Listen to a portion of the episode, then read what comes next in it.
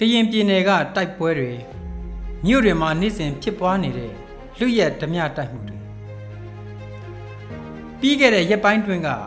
KNU ကကမကထလုပ်ပြီးကရင်ပြည်နယ်ကကရင်လက်နက်ကိုင်အဖွဲ့အစည်းတွေကြား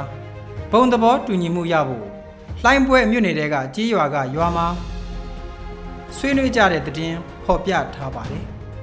KNU အပြင်ကရင်နိုင်ငံရေးပါတီကခေါင်းဆောင်တူဖြစ်တဲ့မန်းအောင်ပြေစိုးနဲ့ ရရွာမှာဩဇာရှိတဲ့ကရင်ဆရာတော်တချို့လည်းပါဝင်တက်ရောက်ခဲ့ကြတာဖြစ်ပါတယ်စစ်ကောင်စီရဲ့ထိန်းချုပ်မှုအောက်ကကရင်ပြည်နယ်နေကြားဆောက်တပ်ဖွဲ့ကအကြီးအကဲဖြစ်သူလည်းတက်ရောက်သလိုစစ်ကောင်စီနဲ့ငြိမ်းချမ်းရေးဆွေးနွေးနေတဲ့ KNU KNLAPC ထုတ်ကော်ကိုအဖွဲ့လည်းတက်ရောက်ခဲ့တာဖြစ်ပါတယ်ဒီဆွေးနွေးပွဲကို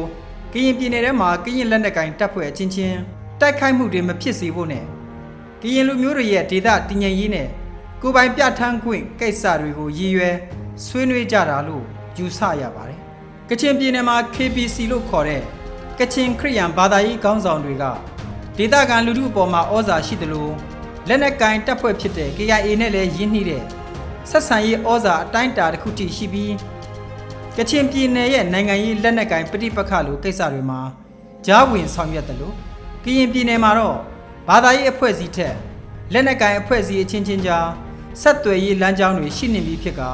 အခါအားလျော်စွာတွေ့ဆုံဆွေးနွေးနိုင်ကြတဲ့အနေအထားကကောင်းမွန်တဲ့အနေအထားလို့ဆိုရမယ်သဘောလည်းဖြစ်ပါတယ်။မကြာခင်ရက်ပိုင်းကကြာရင်စိတ်ကြီးမြို့နယ်က6နှစ်ခွရဲစခန်းကို KNU တပ်တွေကတွားရောက်တိုက်ခိုက်ခဲ့ပြီး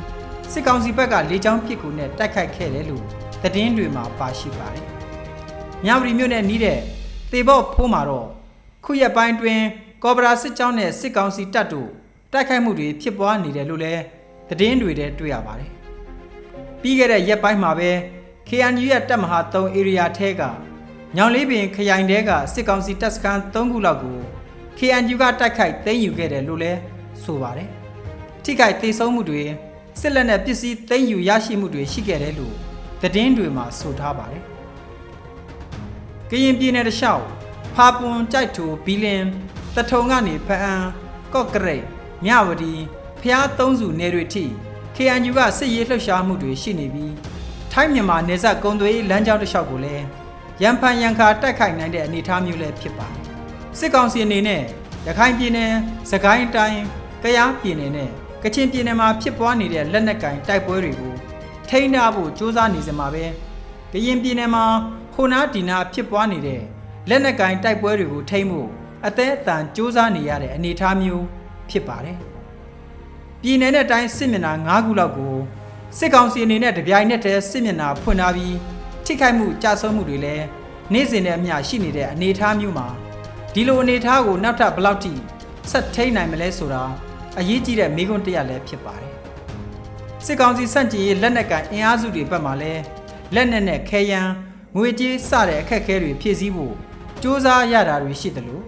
စစ်ကောင်စီဘက်က တိုင်းပြည်ရဲ့တယံဇာတအခွန်အကောက်တွေနဲ့လက်နက်ဝယ်ယူဖြစ်တင်ရေးလူအင်အားဖြစ်တင်ရေးတွေစတဲ့စိန်ခေါ်မှုတွေရှိနေမှာအမှန်ပဲဖြစ်ပါတယ်လက်နက်ကင်တိုက်ပွဲတွေနေရာနှံ့ဖြစ်ပွားနေချိန်မြို့တွေမှာတော့ဓမြတိုက်လူရက်မှုလူတမှုတွေနေ့စဉ်လိုလိုဖြစ်ပွားနေတာဖြစ်ပါတယ်လက်နက်ငယ်တွေမြို့ပေါ်တွေကိုပြန့်နှံ့လာခြင်းနဲ့တရားဥပဒေစိုးမိုးမှုမရှိတော့ခြင်းကအခုလိုဓမြတိုက်မှုလူရက်မှု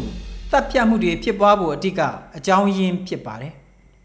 အခုတရက်နှစ်ရက်တွင်ဖြစ်ပွားခဲ့တဲ့မှုခင်းတွေထဲမှာတော့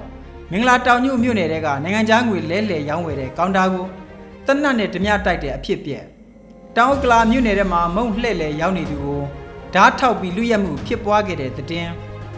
မြောက်တကုံမြို့နယ်တွေကဘတ်စကားတွေပြေးဆွဲခဲ့တဲ့ခုနှစ်မြင်းဆောင်ရှိလမ်းစုံနီးမှာညဘက်အလုတ်ပြန်သူတွေကိုဓာတ်နဲ့ထိုးပြီးဖုံးလူယူတဲ့အဖြစ်ပြက်တွေဖြစ်ပါတယ်နေ့စဉ်လိုလိုဟိုနာဒီနာဖြစ်ပြက်နေတာဖြစ်လို့ ရန်ကုန်မြို့မှာသွာလာသူတွေတတိကြီးစွာထားပြီးသွာလာနေကြရတာဖြစ်ပါတယ်ညဘက်အချိန်ကာလမှာပူပြီးအန်ဒီရများတာမှန်ပေမဲ့နေ့ကင်းလိုအချိန်မှတော့လူအသွားလာနေပါတဲ့နေရာတွေမှာဖုန်းလူတာဆွဲကြိုးလူတာဓာတ်နဲ့ထိုးပြီးပစ္စည်းလူယူတာတွေကဖြစ်ရိုးဖြစ်စဉ်လိုဖြစ်လာနေတာဖြစ်ပါတယ်ညဘက်တွေမှာလဲလမ်းတွေရက်ွက်တွေမှာရပ်နားထားတဲ့ကားတွေကပစ္စည်းဖြုတ်ယူခိုးတာတွေကြဲကြဲပြန့်ပြန့်ဖြစ်ပွားနေပြီး ဘယ်သူမှရဲကိုတိုင်တာမျိုးမလုပ်ကြတော့ပဲမိမိတို့ဘာသာဂယုစိုက်ဖို့ရှောင်ရှားဖို့စ조사နေကြရတဲ့အနေအထားမျိုးလည်းဖြစ်ပါတယ်မြို့ပေါ်ကလူရက်မှု လူတက်မှုတွေဓမြတိုက်ခိုးယူမှုတွေကိုဘယ်လိုဖြေရှင်းကြမလဲဆိုတာကတော့တူးချင်းတတ်နိုင်တဲ့ကိစ္စမဟုတ်ပဲအုတ်ချုပ်ရေးကိုနေရာယူထားတဲ့စစ်ကောင်စီအနေနဲ့လည်းအခုလိုကိစ္စတွေကနိုင်ငံရေးအန်တုမှု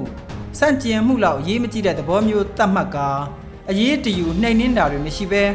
အခြေအနေကိုပိုဆိုးအောင်ခွင့်ပြုထားတာလားလို့တန်တရားတွေလည်းရှိနေကြတာဖြစ်ပါတယ်ခင်ဗျာမြန်မာနွေခရိုနီကယ်နိုဝင်ဘာလ15ရက်နေ့မြင်ကွင်းမိုးမခ